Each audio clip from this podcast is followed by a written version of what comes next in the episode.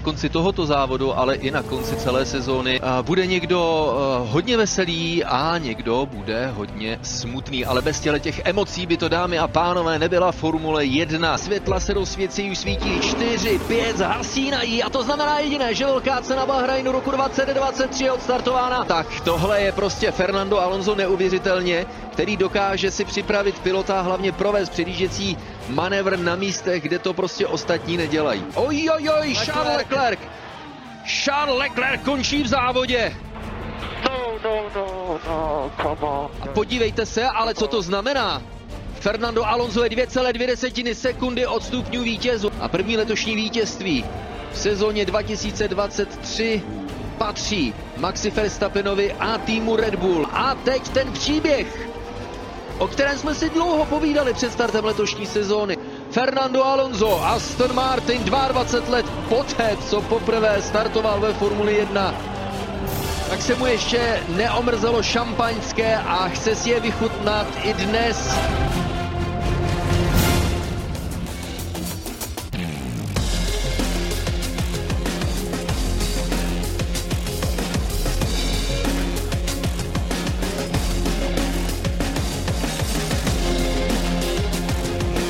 Analýzám, předpovědím a věštění z křišťálové koule je konec. Máme za sebou první velkou cenu nové sezony a s ní i řadu poznatků. Poznatků o tom, kdo je na tom dobře, kdo podle očekávání a kdo naopak hodně špatně. A nebo je to opravdu tak? Letošní formule jezdili a závodili několik dní na jednom jediném okruhu v Bahrajnu. Znamená to, že to na dalších tratích bude podobné? A nebo můžeme čekat změny či nenadálá překvapení? Tak o tom je první letošní Insta Pocket z podcastu Kolo na kolo.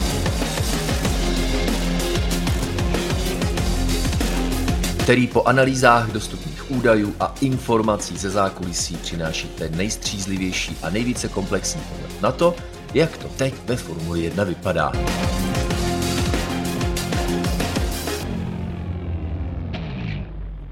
Takže vás zdravíme takhle na Prahu nové sezony a je tady pořad Insta Pocket podcastu Kolo na kolo, který vysíláme vždy po každé velké ceně s určitým časovým odstupem, tak abychom zvládli nazbírat informace, oficiální i ty zákulisní data, analýzy, dát to všechno dohromady a vytvořit nějaký komplexní obrázek. Zdraví vás Tomáš Richter a Jiří, eh, těžko říct, uvidíme Košta.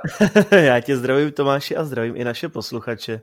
Tak máme za sebou první uh, velkou cenu. Přiznám se, že mě bavila celá ta šňůra dní, uh, kdy se testovalo a to byla jedna analýza za druhou. Ale já to myslím velmi pozitivně. Jak lidi prahnou po poznání toho, jak na tom kdo je a pak přišla velká cena a je to takové, eh, nemyslím procitnutí do reality negativní, ale už máme prostě první velkou cenu za sebou a tím pádem máme už, eh, řekl bych, konkrétnější kontury názorů na to, jak to letos eh, minimálně na začátku sezony vypadá, viď? Stoprocentně a pak, když fandíte jednomu nebo druhému, tak se buď radujete, anebo brečíte. To si myslím, že je to nejzásadnější. Ale musíme říci, že vždycky první závod nereflektuje celou sezónu, nebo jeden závod většinou nereflektuje celou sezónu. Vzpomeňte na loňskou sezónu. Ferrari 1-2, Red Bull nedokončil, ani jeden bod nezískala stáj a letos tedy Red Bull double a Ferrari se trápilo, považujeme ho tedy za nejbližšího rivala, budeme se o tom bavit postupně. Takže samozřejmě, ať to vypadalo jakkoliv v Bahrajnu, tak já jsem hodně optimistický s tím vývojem pro zbytek roku. Pojďme si říct asi na začátek dvě důležité věci, jak už bylo naznačeno v úvodu. Zatím jsme jezdili pouze s novými letošními formulemi na jedné jediné trati. Na dráze, na které se jezdí už od roku 2004 a na které od té doby nebyl jakkoliv obnoven asfalt, takže ten je velmi hrubý, abrazivní a velmi náročný na pneumatiky, což jsme předpovídali před závodem a samotní závodníci se o tom přesvědčili v průběhu velké eh, ceny. A eh, George Russell, který do cíle eh, závodu, řekl bych tak, dokulhal, dobelhal se s jazykem na vestě na sedmém místě, tak eh, s ohledem na suverénní a pohodový výkon eh, Red Bullu, kteří dojeli na prvním a druhém místě, Max Verstappen vyhrál před Sergiem Perezem rozdílem 12 sekund, tak říká, no tihle prostě musí vyhrát každou velkou cenu. A Jirko, řeknu ti, že tohleto po prvním dominantním výkonu nějakého z týmu na začátku sezony neslyším zdaleka poprvé a nikdy se tak nestalo. právě, právě, protože loni Ferrari v Bahrajnu, i když Charles bojoval s Maxem na trati, tak víceméně ten závod dokázal kontrolovat a vypadalo to velmi dobře pro italskou stáj. A tentokrát to bylo stejné pro Red Bull, protože tam bylo doslova řečeno Maxovi do rádia, že there is no race, což znamená, že nemáme s kým závodit. On se právě ptal na to, jestli je to tempo dostatečné, ale bylo mu odpovězeno, ať prostě šetří pohnou jednotku, ať nespěchá, že prostě není s kým závodit. A to se potvrdilo, ten rozdíl byl i tak markantní a obrovský a tím, že vypadl Leclerc, tak eh, skutečně nebylo dalšího soupeře pravděpodobně. To nic nemění na tom, že ale do jisté míry eh, sympatizuji s těmi, kteří říkají, eh, tuhle sezónu si Red Bull vyhraje v pohodě a s přehledem a otázkou je, jak velký ten náskok bude. Zatím proto jsou předpoklady, když se od, mm, když si odmyslíme okruh v Bahrajnu, tak vůbec eh, stylem, jakým eh, Red Bull nastoupil do testů, velmi připraven. Vezměte si, že v uplynulých sezónách také na nátlak eh, šéf konstruktéra Adriana Neweyho, tak který požadoval co nejvíce času v konstruktérské kanceláři a tím pádem se to auto dostalo později do výroby a tím pádem se dostávalo později k testům, respektive nepřipravené. Takhle suverénní vstup do testů a do sezóny tak to bylo snad naposled v roce 2011, kdy Red Bull vyhrál úvodní eh, závod sezóny. Takže tenhle ten trend, ne to, jak dopadla velká cena Bahrajnu jako první závod, ale tenhle ten trend i přechodu z loňské sezony do letošní, tak jak Red Bull v podstatě jen vyladil auto ještě k lepší aerodynamické výkonnosti, to znamená dobré fungování přítlaku, malý aerodynamický odpor, dobrá rychlost ve všech druzích zatáček, auto je stabilní, tak tohle si myslím, že je zásadní faktor pro to věřit tomu, že Red Bull eh, bude dominantní. Byť zas někteří jiní hlásí, hele, ono to není tak jednoznačné. Konec konců sám Christian Horner po závodě řekl, máme jediný dataset, jediný vzorek dat a ten je právě eh, z okruhu Bahrajnu a volá po ostražitosti, aby Red Bull neusnul na Vavřínech, protože už eh, příští týden v Saudské Arábii přece jenom může být malinko jinak, Jirko, konfiguračně. Teď se možná trošku předběh, ale konfiguračně hodně odlišný okruh, který bude klást důraz na maximálku, takže přeci jenom eh, to výkonnostní rozložení může doznat určitých změn. Rozhodně, protože nejenom, že ta trať v Saudské Arábii je, řekněme, vysokorychlostní, byť má 28 zatáček, ale zároveň je tam i trochu jiný povrch na trati a pak ještě budeme mít zase Austrálii před sebou, což je zase městský okruh, tam je hodně pomalý zatáček, tam zase se nedostanete tolik na tu top speed. Takže ono skutečně, ono se vždycky tak nějak obecně říkalo, že až do té Barcelony nebudeme vědět, jak na tom kdo je a dost možná to bude platit i letos. Uh, to, to bychom samozřejmě mohli říct i o jiných týmech. Ono to může být skutečně v Saudské Arábii jinak. Tam velkou roli také hraje DRS, což znamená, že i když někdo není tak rychlý, tak se může alespoň držet za soupeřem před sebou. Takže těch variant, jak to může být dále, je hodně a právě budu se opět odkazovat na ten loňský rok, jak někteří házeli Flintu do žita, tak je nakonec to byla sezóna úplně opačná a může to tak být i letos, že postupně s tím, jak se bude ta sezóna posouvat dále, tak třeba Ferrari na tom bude lépe, anebo třeba Mercedes.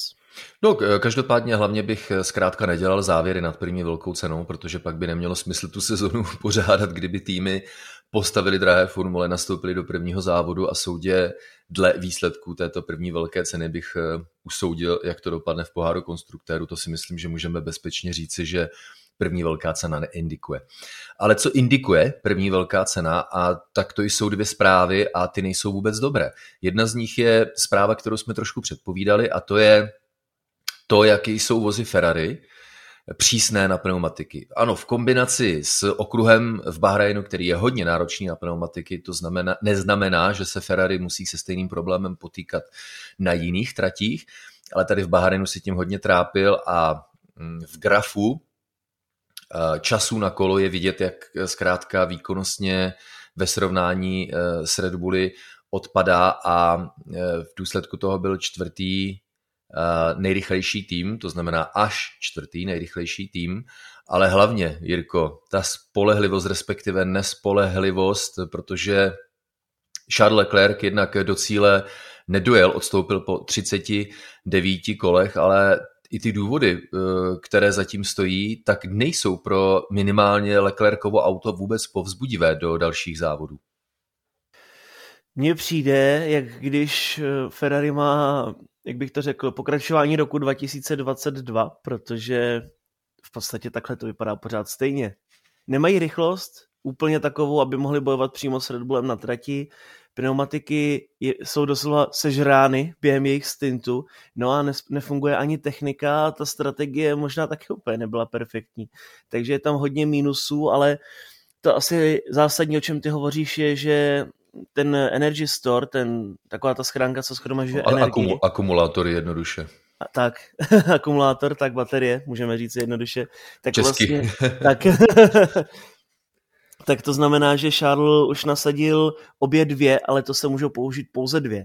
Což znamená, že v dalším závodě už pravděpodobně Saudské Arábie bude muset nasadit třetí komponentu, ale za to už je plus 10 míst na startu. Takže už takhle brzo si Ferrari zadělává na obrovský průšvih a na obrovský problém, protože těch závodů budete mít ještě 22 a očividně tedy to 22 závodů nezvládnou s jednou baterií.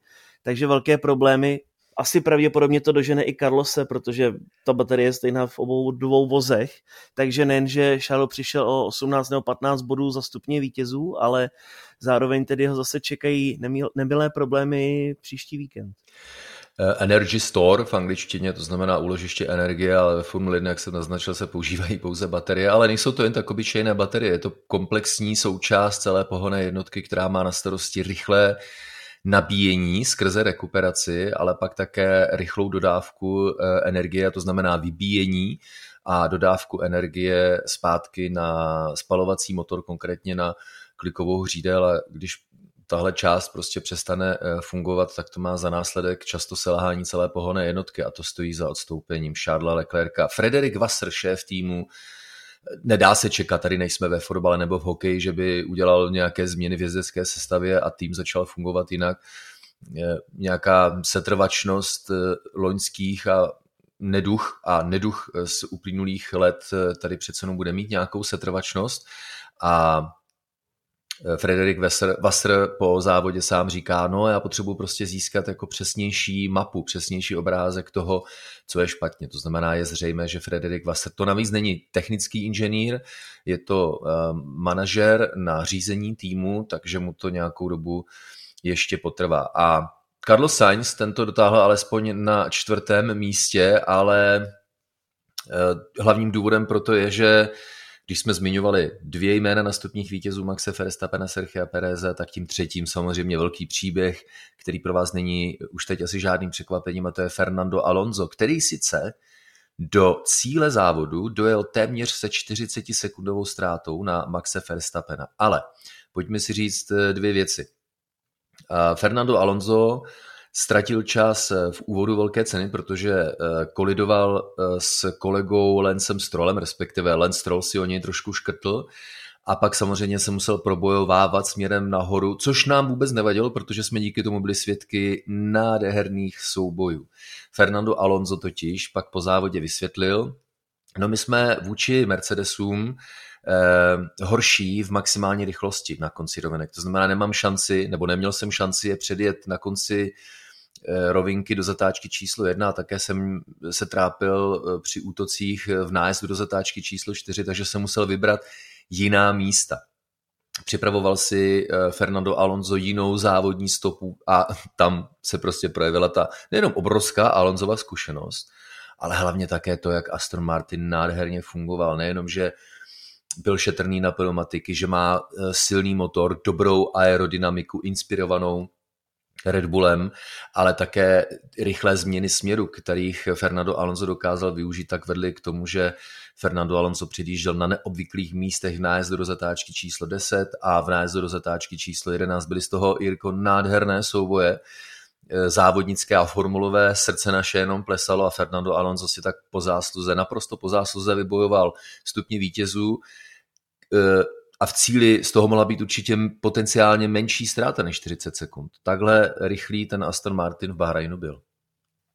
Já musím říct, že si nepamatuji, kdybych viděl v té osmé zatáčce nějaké předjetí takovým způsobem. To nejde ani na PlayStationu, na tož v reálu. Ta zatáčka je skutečně strašně složitá a asi tam Alonso překvapil Hamiltona, ale to zároveň ukazuje, jak je si jistý s tím vozem a skutečně, že v tom vozu je hodně potenciálu a my jsme to možná trošku předpovídali, jsme říkali, že by mohl být klidně Aston v Bahrajnu na druhé pozici za Red Bullem a tak se to vyplnilo, takže můžeme být za to rádi, ale jak ty říkáš, ta top speed nebyla úplně dobrá, ale zase v zatáčkách to sedí, což znamená, že třeba bychom mohli vidět zajímavý Aston Martin plácnu v Monaku, v Singapuru a tak dále, na městských okruzích v Baku by možná také mohl být zajímavý, ale třeba Saudské Arábie si myslím, že zase se dostanou do hry jiné týmy, ale každopádně pro Alonza je to dobré, protože on dokáže být stabilní v těch svých výsledcích a pak, když bude ten Aston Martin takhle dobře fungovat, tak by klidně mohli jezdit i nějaké ty top pětky.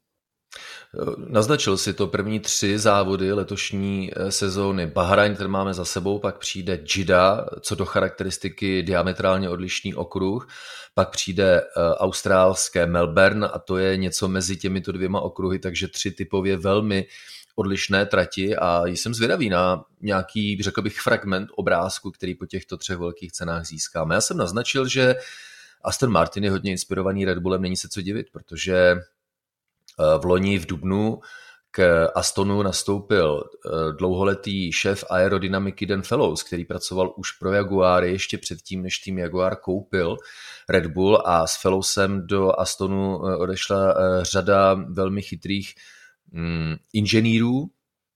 Konec konců eh, v loňské velké ceně Španělska eh, kolem toho bylo pozdvížení, když eh, Aston nasadil první aktualizaci, která se hodně podobala Red Bullu a dokonce Red Bull zahájil interní vyšetřování, protože ta rychlost, se kterou to přišlo a ta velká podoba, tak díky ní nebo kvůli ní získal Red Bull podezření, že to nebyly znalosti jenom v hlavách inženýrů, kteří odešli, ale že s tím museli odejít i nějaké řekl bych skoro fyzické materiály typu typu výkresy, soubory, byť třeba v digitální podobě. Tahle kauza rychle uh, utichla a Helmut Marko po dnešním závodě, respektive po letošní velké ceně Bahrajnu, tak říká i uh, Christian Horner si neodpustil poznámku, když říká, no vy teda máte ale se sakramensky dobrou paměť. Ale co mě na tom zaujalo je, že když Dan Fellows opouštěl Red Bull, tak eh, dostal povinnou dovolenou, takzvanou gardening leave, kterou dostávají zkušení manažeři třeba na, na rok klidně.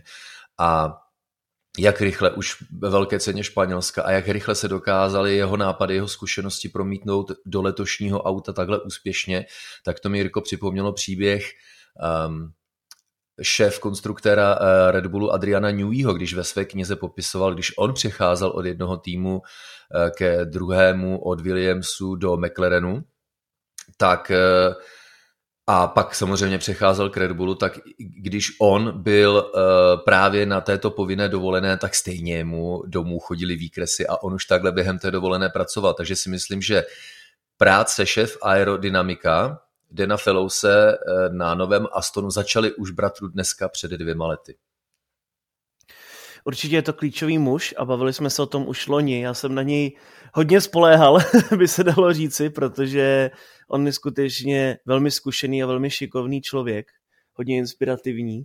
A na jednu stranu to zase vypovídá o tom, že Red Bull skutečně cítí také potenciál v Astonu Martin, protože když by takhle nebyli vysoko a neměli dobré tempo, tak o nich takhle nemluví, protože to přesně bylo loni ve Španělsku, kdy říkali, že to je Green Bull a že to je natřená, nově natřená koloběžka Red Bullu, ale protože Astonu se příliš nedařilo, tak, tak to nechali být, ale letos to může být klidně jinak a může se stát, že jakmile Fernando Alonso dokáže vyhrát nějaký závod, tak se Red Bull ozve, ale možná na první pohled to někomu připomíná Red Bull, ten monopost eh, Astonu, ale mě to zase připomíná v některých prvcích Ferrari.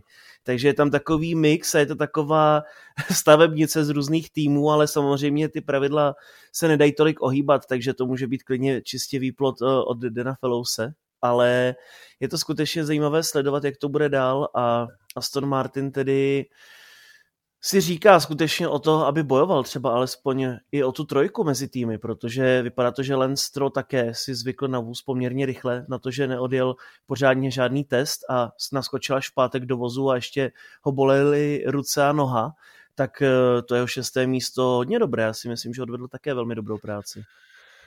Nesporně, já si tady dovolím takovou malou suvku, protože já bych vám rád eh, moc chtěl poděkovat za naše společné eh, setkání během vítání sezóny v kině Sinestar na Černém mostě během akcí Život na hraně a kolo na kolo.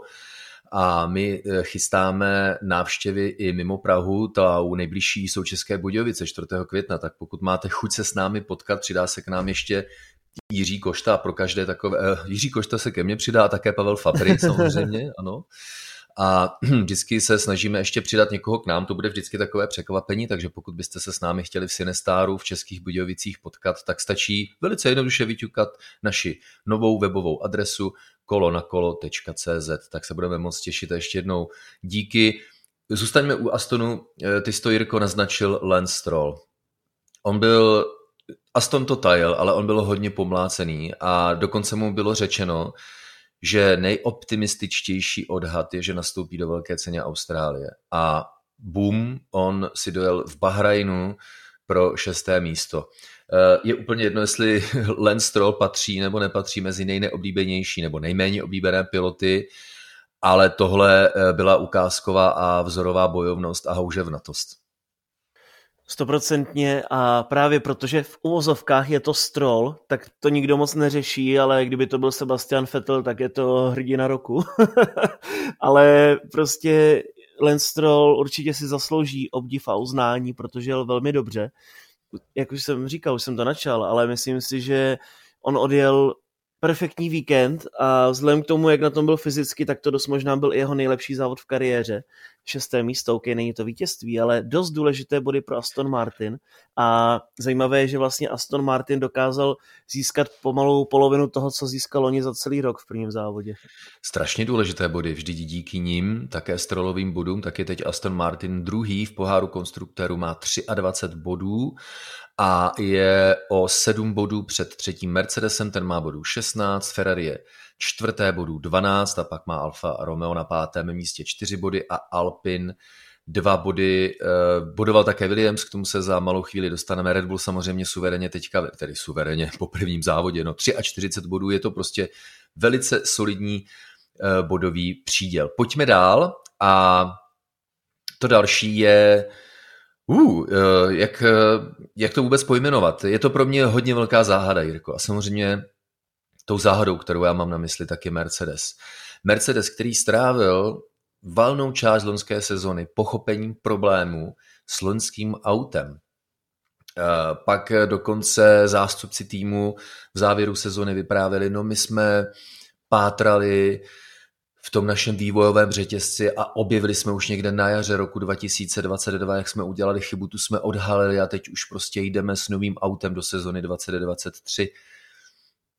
A ono to vypadá, Jirko, že oni na tu chybu vůbec nepřišli, eh, že se trápí úplně stejně a jak dokonce eh, naznačil Hamilton možná ještě více než v loňském roce. Pro mě je překvapení, že vůbec zůstalo toho konceptu, protože na ně tak nadávali a když už si toto vyřval to, že se upraví některé prvky, tak jim to bylo předplatné, očividně. A už tedy to vypadá skutečně, že se dočkáme okolo Baku tak nějak eh, nové specifikace Mercedesu a že přijdou také na ty široké bočnice. Očividně ten size zero koncept nebude fungovat a nedá se tam s tím nic vymyslet, a přestože jsme měli za sebou tedy jenom první víkend, tak Aston, tedy, pardon, Mercedes má celkem jasno, jak to bude.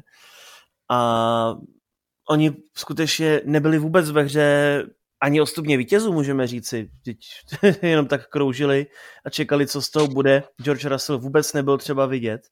Takže myslím si, že bude co nevidět nějaký nový koncept Mercedesu, ale zase je to pro ně také špatné a můžeme očekávat, že nebudou hnedka od začátku vysoko, protože oni zase budou se muset naučit pracovat s tím konceptem, budou ho muset pochopit a tak dál. A v tom nejextrémnějším případě už můžou v podstatě letošní sezonu zase zabalit. Ono je takové to hm, typické upínání se vždy na konkrétní prvek na autě, který je nejvíc vidět nebo který je nejvíc charakteristický v letošním případě a v případě Mercedesu to jsou bočnice, ale zase musím zdůraznit, že aerodynamická koncepce auta nerovná se jenom bočnice. Ty jsou toho součástí, ale nejsou ekvivalentem. Oni vlastně nediktují kon, eh, koncepci aerodynamiky auta. A my, když se tedy Mercedes baví o tom, že změní koncepci, tak nemá na mysli jenom bočnice. Ale pravdou je, že co potvrdil Mercedes, to už můžeme říci, byť někteří tomu nevěřili, eh, tak eh, ono to mělo smysl, ty takzvané minimální bočnice nebo nulové bočnice, eh, protože aerodynamický odpor auta, kdyby vůz fungoval, tak by byl nízký, ale z nějakého důvodu to prostě nefunguje se zbytkem auta. Z jakých důvodů přesně to my pochopitelně nemůžeme vědět, protože bychom to věděli, tak nejspíš dneska sedíme v konstruktérské kanceláři některého z týmů Formule 1, ale technický ředitel Mike Elliott už potvrdil eh, na tuty, že se nová aerodynamická koncepce, která mimo jiné bude obsahovat i nové bočnice, chystá. Toto Wolf eh, prozradil zajímavou věc, že nebude podobná, že to nebude takhle minimální řešení, ale že nebude eh, bočnice Mercedesu podobná ani žádnému ze stávajících týmů, ať je to Ferrari, ať je to Red Bull. A že už je tato koncepce navržená, a v podstatě teďka tím limitním okamžikem je výroba, že se čeká na další materiály, jako jsou uchyty, další prvky uvnitř auta, které my nevidíme. Jakmile tohle bude všechno vyrobené, tak eh, uvidíme v podstatě jakousi B koncepci, eh, ne úplně nový model letošního Mercedesu. Ale přesně jak říkáš, Mercedes tím ztrátí jeden a půl roku, protože přijde s nějakou základní verzi, tomu se říká baseline, a oni začnou poznávat přímo na závodní dráze, začnou vychytávat eh, malá zákoutí, která když se podaří vyřešit, tak to auto postupně zrychluje, tomu se říká vývoj auta, ale oni s vývojem té nové koncepce začnou se, se spožděním rok a půl. Takže tady Mercedes čeká náročná práce, možná nejenom v letošním roce, ale i příští rok. Konec konců George Russell se nechal slyšet po té, co vystoupil z auta v Bahrajnu, že no já jsem připraven obětovat celou sezonu 2023, jen ať jsme už perfektně připraveni na další sezonu. To znamená, loňská sezona 2022 strávená snahou pochopit problém a nalézt a identifikovat jeho příčinu a sezona 2023, že by byla nějakou vývojovou sezonou Mercedesu a to takhle lusknutím prstu, Jirko, představuje dvě ztracené sezóny, že? Určitě a hlavně ta technická pravidla nejsou jenom dvě sezóny, budeme je mít až do roku 2025, respektive do jeho konce. A je vidět, jak ten vlak dokáže strašně rychle ujet, protože třeba takový McLaren s tím prostě má problém a nedokáže se chytit, ani se nedokáže chytit, to prostě nejde. Oni zaspali a teď už s tím bude problém a já si myslím, že to podobně bude i u Mercedesu. Oni se budou snažit tak nějak dohnat, nějak to dotáhnout, ale pak už zase svoji roli hrajou rozpočtové stropy, zároveň se nemůže tolik testovat, takže oni nemají tolik šance si prostě polepšit a to pole a ten vývoj je takový, řekněme, trošku virtuálně zmražený. Takže Mercedes, jestli třeba dokáže zase jako to bylo loni, vyhrát jeden, dva závody ke konci roku, ale obávám se, že se toho moc nedočkáme. Jestli možná ke konci nebo v polovině loňské sezóny to bude lepší, teda v té příští, pardon, ne v loňské, ale v příští sezóně to bude trošku lepší, ale teď to budou tedy těžké časy, si myslím. Pojďme dál k eh, zajímavému eh, výkonu dvou pilotů a hlavně jednoho týmu a tím je Williams. Alexander Albon dokázal pro Williams získat byt jeden, ale přesto velmi cený mistrovský bod. Ale objektivně od Alexe Albona jsme to očekávali. Jednak Albon velmi šikovný pilot, už ve Williamsu jede další sezonu, takže je usazený, je zavedený, ale eh, když se podíváme na výsledkovou listinu, tak jeho nový týmový kolega američan Logan Sargent dojel s malým odstupem za ním. Mezi sebou měli Yukiho Tsunodu na voze Alfa Tauri, takže Alexander Albon desátý a pak dvanáctý Logan Sargent. Za mě velmi milý výkon. Rozhodně, rozhodně, já jsem příjemně potěšen a opět je to takové, že prostě není to vítězství, tak to zapadlo na jednu stranu ale on odjel velmi dobrý závod, určitě bychom nečekali oba dva Williamsy tak vysoko, i Alex Albon jel dobře, ale samozřejmě je důležité si zvyknout na ten, na ten závod jako takový a málo kdo dokáže být při svém debitu ve Formule 1 silný jako jeho týmový kolega. Takže jak Alex, tak Logan zajeli, zajeli velmi dobře a přestože se zdálo, že Williams nebude úplně mezi těmi rychlými týmy, tak opak byl pravdou a třeba to letos bude trošku lepší s nimi v tom středu pole. Eh, ještě jedna malá vsuvka, protože kdo si hraje, tak nezlobí. Eh, letos i já pokračuji v hraní si, takže typuji složení týmu. Pro letošní rok byly pravidla hry, nebo byla pravidla hry eh, Fantasy ligy, oficiální hry Formule 1 typovací soutěže, upravena tak, že se v jednom týmu volí dva konstruktéři a pět jezdců. A podle toho, jak se jim daří v kvalifikaci a v samotném závodě, tak získáváte body. A my, podcast Kolo na kolo, má vlastní ligu. Kdybyste chtěli se zúčastnit a hrát s námi, tak budeme hrozně rádi. Kód naší ligy je C5MK4PDOJ05 taková ta alfa, uh, taková ta NATO abeceda, ne? Charlie 5, Mike, Kilo 4, Papa, Delta, Oscar, Juliet 05. Ty jo, já to dal, hustě. no, uh, chci tím říct, nebo co chci, co chci vlastně říct, jednak pojďte si s námi zahrát a hlavně jsem doznal pocitu, jaké to je, připadat si jako spráskaný pes, protože jsem si myslel, že hm, umím odhadnout, jak by ten výkon, eh, výsledek víkendu mohl dopadnout. A můj bodový výsledek v lize kolo na kolo je takový, že já jsem na chvostu, Jirko, já jsem v typovačce na chvostu, já vůbec neumím předpovědět, jak ten víkend dopadne. Umíš si představit, jak se cítím? Jako McLaren? Jako Ferrari, jako Ferrari s McLarenem dohromady právě. No a když už na to naznačil, když už na to najel, tak co ten McLaren, to je, to je šok, víš? To, je, to je asi největší, jako kdyby jsme mohli být u Ferrari optimističtí, ale trošku jsme byli připraveni na to, že se zázraky nedějí z roku na rok, tak McLaren asi největší letošní zklamání takhle na začátek. Uh, jednoznačně. A myslím si, že Daniel Ricardo si užívá těch svých 22 milionů eur, protože nemusí řídit letošní McLaren. Dostat zaplaceno takovéhle peníze za to, abys nemusel uh, letos závodit z tohle křaksnout, tak to je nej... Ten jeho úsměv podle mě musí být ještě širší, než doposavat býval.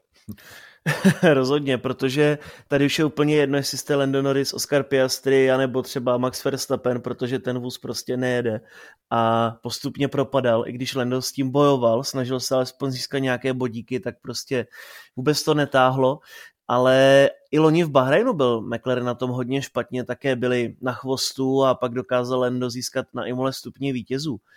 A zajímavé je, co říkal Andrea Stella, že tam je velký potenciál, který oni můžou odemknout a najít, protože prý ten základ vozu je dobrý a můžou na tom pracovat a údajně by chtěli na tom být podobně, jako se jim to stalo v roce 2009, kdy také v úvodu sezóny nezískávali body a pak dokázali vyhrát dva závody, jenže tehdy to bylo trošku o něčem jiném. Měli jsme tam Bron GP, to ta končila, Ferrari se dokázalo dotáhnout, no takže trošku jiný příběh než silný Red Bull s Ferrari a s Astonem a s Mercedesem.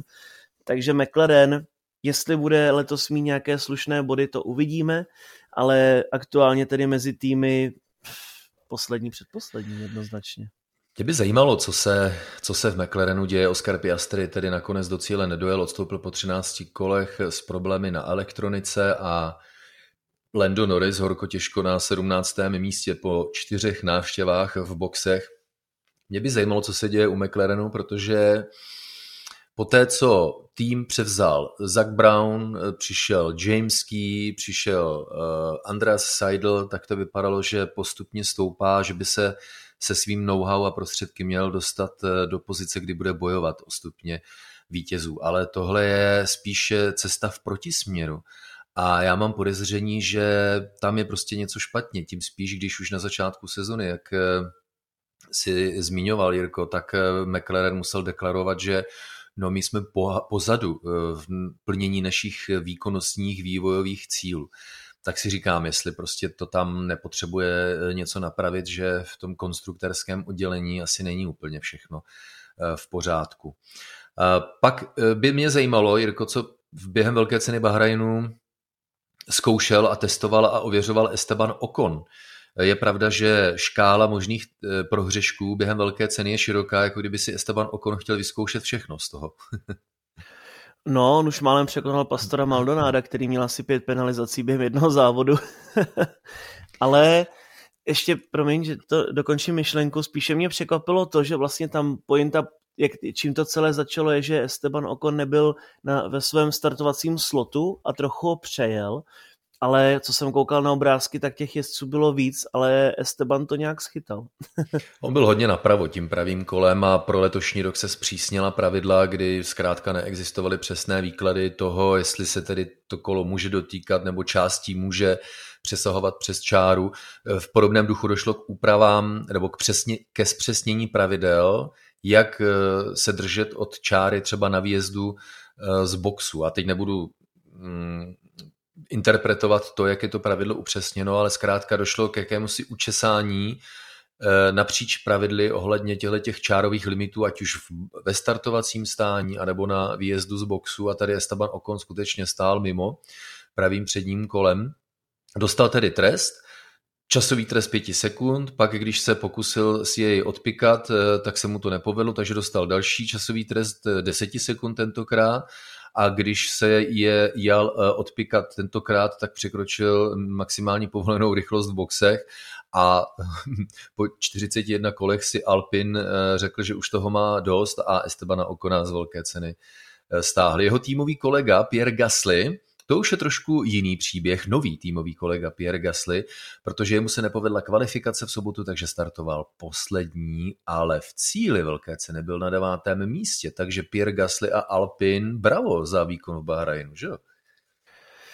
To byl podle mě dost možná i jezdec dne společně s Fernandem Alonzem, protože jak to bylo tragické v té kvalifikaci a trošku mě to až opařilo, bych řekl, nečekal jsem to úplně, tak eh, v závodě si napravil reputaci a ukazuje to, že Alpin by mohlo jezdit opět to, co jezdil loni, což znamená možná nějakou občas tu top pětku, a ten vůz není vůbec špatný. Naopak Pierre Gasly říkal, že, se na něj, že si na něj velmi rychle zvykl, ale trochu mi to teďko v tom kontrastu a kontextu připomíná Oscara Piastriho, no. Ten asi úplně nebude skákat radostí, že nakonec šel k McLarenu. Samozřejmě to, jak to vypadá v poháru jezdců, tak eh, to je shodné z výsledky první velké ceny Bahrajnu. Eh, bodovali tedy vedle Piera Gaslyho a Alexe Albona, jak jsme zmiňovali, ještě Valtteri Bottas, který s Alfou Romeo dojel na osmém místě. Druhá Alfa uh, Kiana Choua, bohužel až na 16. místě. U Alfírko je to takové, takové nečitelné. Mm, Valtteri Bottas ukázal, že má Alfa na to jezdit ve druhé pětce, ale přijde mi, jako kdyby tam byl skutečně potenciál na podstatně lepší výsledky. Hlavně Valtteri byl takový neviditelný, nenápadný a nenou se ocitl na bodech. a opět, ono, jedna trať nám úplně neřekne, jak to bude během roku, ale já se spíš obávám toho, že postupně ten vývoj a development celého vozu půjde postupně dolů, jako tomu bylo vždycky u Alfy.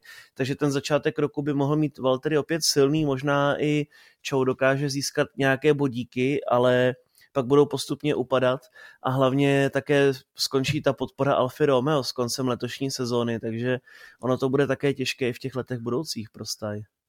Takže tohle byla velká cena Bahrajnu, myslím si, že jsme ji dali takhle do perspektivy eh, Víkend v, Bahra, pardon, víkend v Bahrajnu přinesl také doprovodné závody Formule 3 a Formule 2, zejména eh, šampionát Formule 2 ostře sledujeme, protože v nich máme takzvaně eh, české želízko v ohni a tím je Roman Staněk a myslím si, že to pro řadu fanoušků byl hodně frustrující víkend, byť asi ne tak jako pro Romana samotného, Jirko. Ono to bylo na začátku velmi dobré, protože se Roman kvalifikoval jako devátý do toho hlavního závodu, což bych řekl, že je slušné, protože dokázal porazit i mnohem zkušenější jezdce, jako byl třeba Jack Duhen a proto startoval do sprintu z druhé pozice, ale prostě v té Formuli 2 to strašně sviští a strašně to odsejpá a pořád se tam musí pušovat. A to bylo vidět, že Roman tam nemá ještě ty zkušenosti a nemá zažité to závodní tempo, protože nejenom, že tedy start se mu úplně nepovedlo, protočil kola a ztratil několik pozic, ale prostě jakým způsobem ti mazáci, co už jsou tam několik let, jako třeba Teo Puršer, dokážou předjíždět, kde si najdou skulinku a jakých, v jakých stopách oni jezdí, tak prostě to je strašně těžké pro nováčka. A je tedy škoda, že asi pravděpodobně ke konci závodu toho prvního nevydrželi Romanovi pneumatiky, protože by mohl býval bodovat za osmé místo. A potom u toho hlavního závodu se Roman moc nesvezl, protože když se tam snažil vlastně vyhnout té skrumáži před sebou, tak ho trefil Viktor Martens a bohužel tedy musel odstoupit hned v úvodu závodu. Ale neviděl bych to úplně špatně, myslím si, že hodně pozitiv z toho prvního víkendu a Pochopitelně to může být jen lepší. Roman pojede už ten další víkend v Židě také, kde bude Formule 2 startovat. Jak říkáš, já si myslím, že opravdu devátý flek na startu první kvalifikace ve Formule 2 eh, bylo hodně dobré výchozí eh, místo, hodně dobrá výchozí eh, pozice. Jezdci ve Formuli 2 se s pneumatikami a jejich velkým opotřebením trápí snad ještě několika násobně více než piloti Formule 1, což právě v tom krátkém sobotním závodě eh, bylo vidět. No a neděle dopadla, jak už si sám zmiňoval. Dobré je, že závody Formule 2 pokračují eh, během prvních tří dějství způsobem, jakým jede Formule 1, to znamená, Roman dostane další šanci v Saudské Arábii a pak si vyzkouší trať v Melbourne, což je velká cena, na kterou se obzvlášť těším. Jirko, eh, nějaký ať už přímo na závodní dráze nebo mimo ní, významný příběh, významná story, která tě eh, zaujala z Bahrajnu? Jestli můžu si dovolit dvě. a ta první je tedy Fernando Alonso a Aston Martin, protože to, co oni dokázali skutečně od uh, loňského Bahrajnu po tento Bahrajn je neuvěřitelné. Vzhledem k tomu, že se technická pravidla tolik neměnila, tak je to fascinující. To byly bych řekl, nějaké tři vteřiny, co dokázal Aston Martin najít během tak krátké doby. A ještě vzhledem k tomu, že jsou rozpočtové stropy, tak o to více čumím, protože je vidět na McLarenu, že to není vůbec jednoduché. A samozřejmě Fernando Alonso tedy to, jaký je takový bojovník, samuraj, že skutečně Vzpomeňte si loni, jak třeba v Mexiku byl naštvaný, tam už vyloženě dal pěstí do bariéry, anebo v Singapuru tam měl hlavu v klíně. A letos tedy hodně lidí, včetně mě, jsem si, jsme si mysleli, že to není vůbec dobré, že přešel k Astonu, že udělal další chybný přestup, ale vyvedl nás v omyl a určitě je tedy hodně fanoušků a nejen rádo, že je tedy pozitivní start do té letošní sezóny a i kdyby už to bylo jenom jedno pódium do konce roku, což asi nebude, tak si myslím, že nemá čeho litovat Alonso a určitě ukázal to, že na to pořád má. Ale naopak ještě bych chtěl tedy vyzdvihnout ten druhý příběh z opačného spektra, vůbec jsme o něm nemluvili, ale ten třetí z nováčků Nick DeVries, který vůbec nebyl vidět tento víkend a Yuki Tsunoda ho slušně zajezdil, což jsem tedy vůbec nečekal. Jirko, když, a... když, když nebyl vidět, proč by o něm bí, mělo být v tomto podcastu slyšet? Ne, to byl blbý vtip. právě protože když jel v Monze, tak byl vidět až moc a tak jsem právě čekal, že ho uvidíme i teď hodně a že už se bude ozývat a když jsme právě měli to setkání s fanoušky v kině, tak také hodně z nich mělo jasno o tom, že Nick DeVries bude zadupávat Yuki Tsunodu od prvního tréninku, ale bylo to opačně. Takže tam jsem na to hodně zvědavý, jak se to bude vyvíjet, protože Yuki byl povolán do té role vedoucího jezdce u, Alf, u Alfa Tauri. Takže budeme sledovat tento souboj také a Alfa Tauri obecně, protože nakonec Tsunoda vypadl z bodů ke konci závodu a byl jedenáctý, takže tým také má co dělat ještě. Já mám na srdci takhle na závěr asi možná tři věci. Tou jednou z nich je, že skutečně eh, pro nás neutrální fandy Formule 1 neházejme flintu do žita, eh, nesuďme průběh sezóny eh, podle prvního závodu. I kdyby to mělo skutečně dopadnout tak, že ta sezóna vyjde dominantně výsledkově pro Red Bull, ale ono to ve Formule 1 nebude nic nového. Když se podíváte na předcházející sezóny, tak celá Formule 1 je o dominantních obdobích jednoho týmu a respektive různých týmů a tato dominantní období různých týmů vždy e, dělí nějaké super vyrovnané sezóny, e, která je třeba jenom jedna nebo dvě, ve kterých se skutečně bojuje až do posledních kol. Máme za sebou dominantní období Mercedesu, já si říkal, si třeba sezona 2021 není jedním z takových předělů, který nás přivede do dalšího dominantního období. A to se tak skutečně může stát, že Red Bull bude pokračovat eh, jako suverénní a nepřekonatelný tým, ale ať se podívám zpátky, jak se podívám, ano, říkali jsme si, je, Michal Schumacher už toho tolik z Ferrari vyhrává, je, Red Bull se Sebastianem Vettelem toho tolik vyhrává a předtím to byl Williams, a předtím to byl McLaren a pak to byl Mercedes. A byl to jeden z faktorů, kdy jsme si říkali, jo, eh, výkon jednoho týmu jednoznačný. Ale nepamatuji se, že bychom až na pár výjimek nadávali na průběhy velkých cen i v těchto obdobích.